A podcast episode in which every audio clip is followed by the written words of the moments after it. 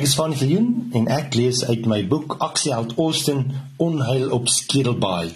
Dis die derde boek in die Aksieheld Austin reeks. Hoofstuk 1: Vlug van angs. "Wow!" roep Ewald Elof uit. Hy lig hom effens uit die stoel en kyk by die vliegtuig se venster uit. Dis laatmiddag. Deur onder sien hy die see. Dis net blou so ver as wat hy kyk. Hoeveel haie dink jy swem daaronder? Cardo Davids frommel sy neus soos hy dink. Genoeg haie om 'n mens nagmerries te gee, ou pel. Ewald rek sy oë. Na hulle vorige avontuur in 'n grillerige museum het hy eens genoeg van nagmerries gehad. Maar dit is gelukkig verby. Môre begin hulle aan die derde aksieheld Austin fliekwerk. Onheil op Skittlebaai. Al die aksie word hierdie keer in 3D vervilm en Ewald speel die hoofrol. Gelukkig is dit skoolvakansie en sy beste vriend Cardo kan saamkom om geselskap te hou. Soms gaan daar ure verby wanneer 'n mens niks op die filmstel doen nie. Dan stel van die tegnisie aan die ligte of hulle kry die klank en kamera skote reg. Wat sit jy so 'n droom? vra Cardo skielik. Ek dink maar net aan die fliek sê Ewald. Ken jy al jou woorde? Natuurlik my ma het my gedrul en my pa het my 'n paar nuwe waaghalstoetjies geleer om nie eens van die duiklesse te praat nie. Ewald loer weer na die see. Wat lê onder al daardie branders? Van die tonele in die nuwe fliek speel diep onder die water af. As iets verkeerd sou loop. Nee, hy wil liewers nie daaraan dink nie. In die fliek Onheil op Skedelbaai gaan twee duikers aksieheld Austin se lewe moeilik maak. Dan is daar nog die haie teen die aksieheld Austin moet beklei maar hulle word later met spesiale effekte in die fliek gesit. Dit maak egter nie die nuwe fliek minder gevaarlik nie.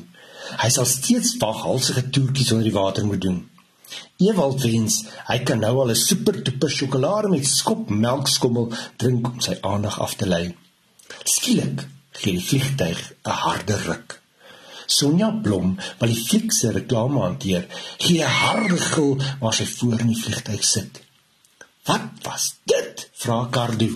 Hè, weet nie, antwoord Ewald. Sy maag draai.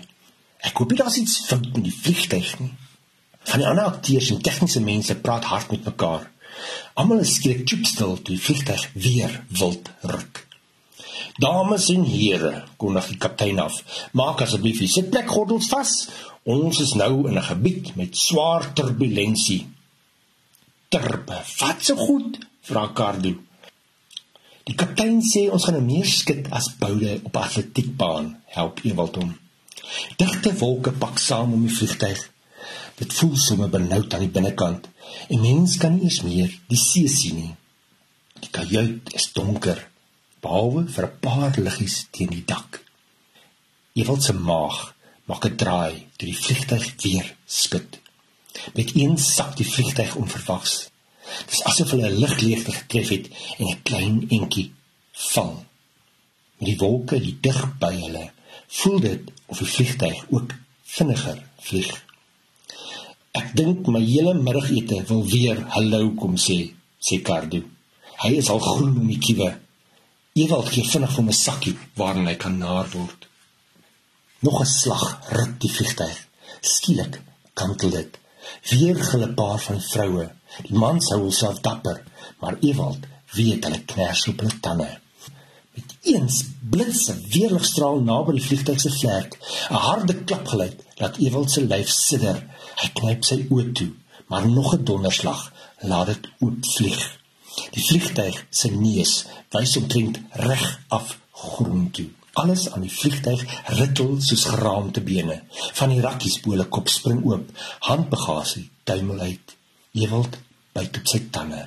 Die vliegtuig swenk, dan is hulle onder die wolke. Deur onder sien Ewald 'n eiland. Dit lyk amper soos 'n geraamte se kop, 'n skedel. Dit kom vinnig nader, dalk te vinnig.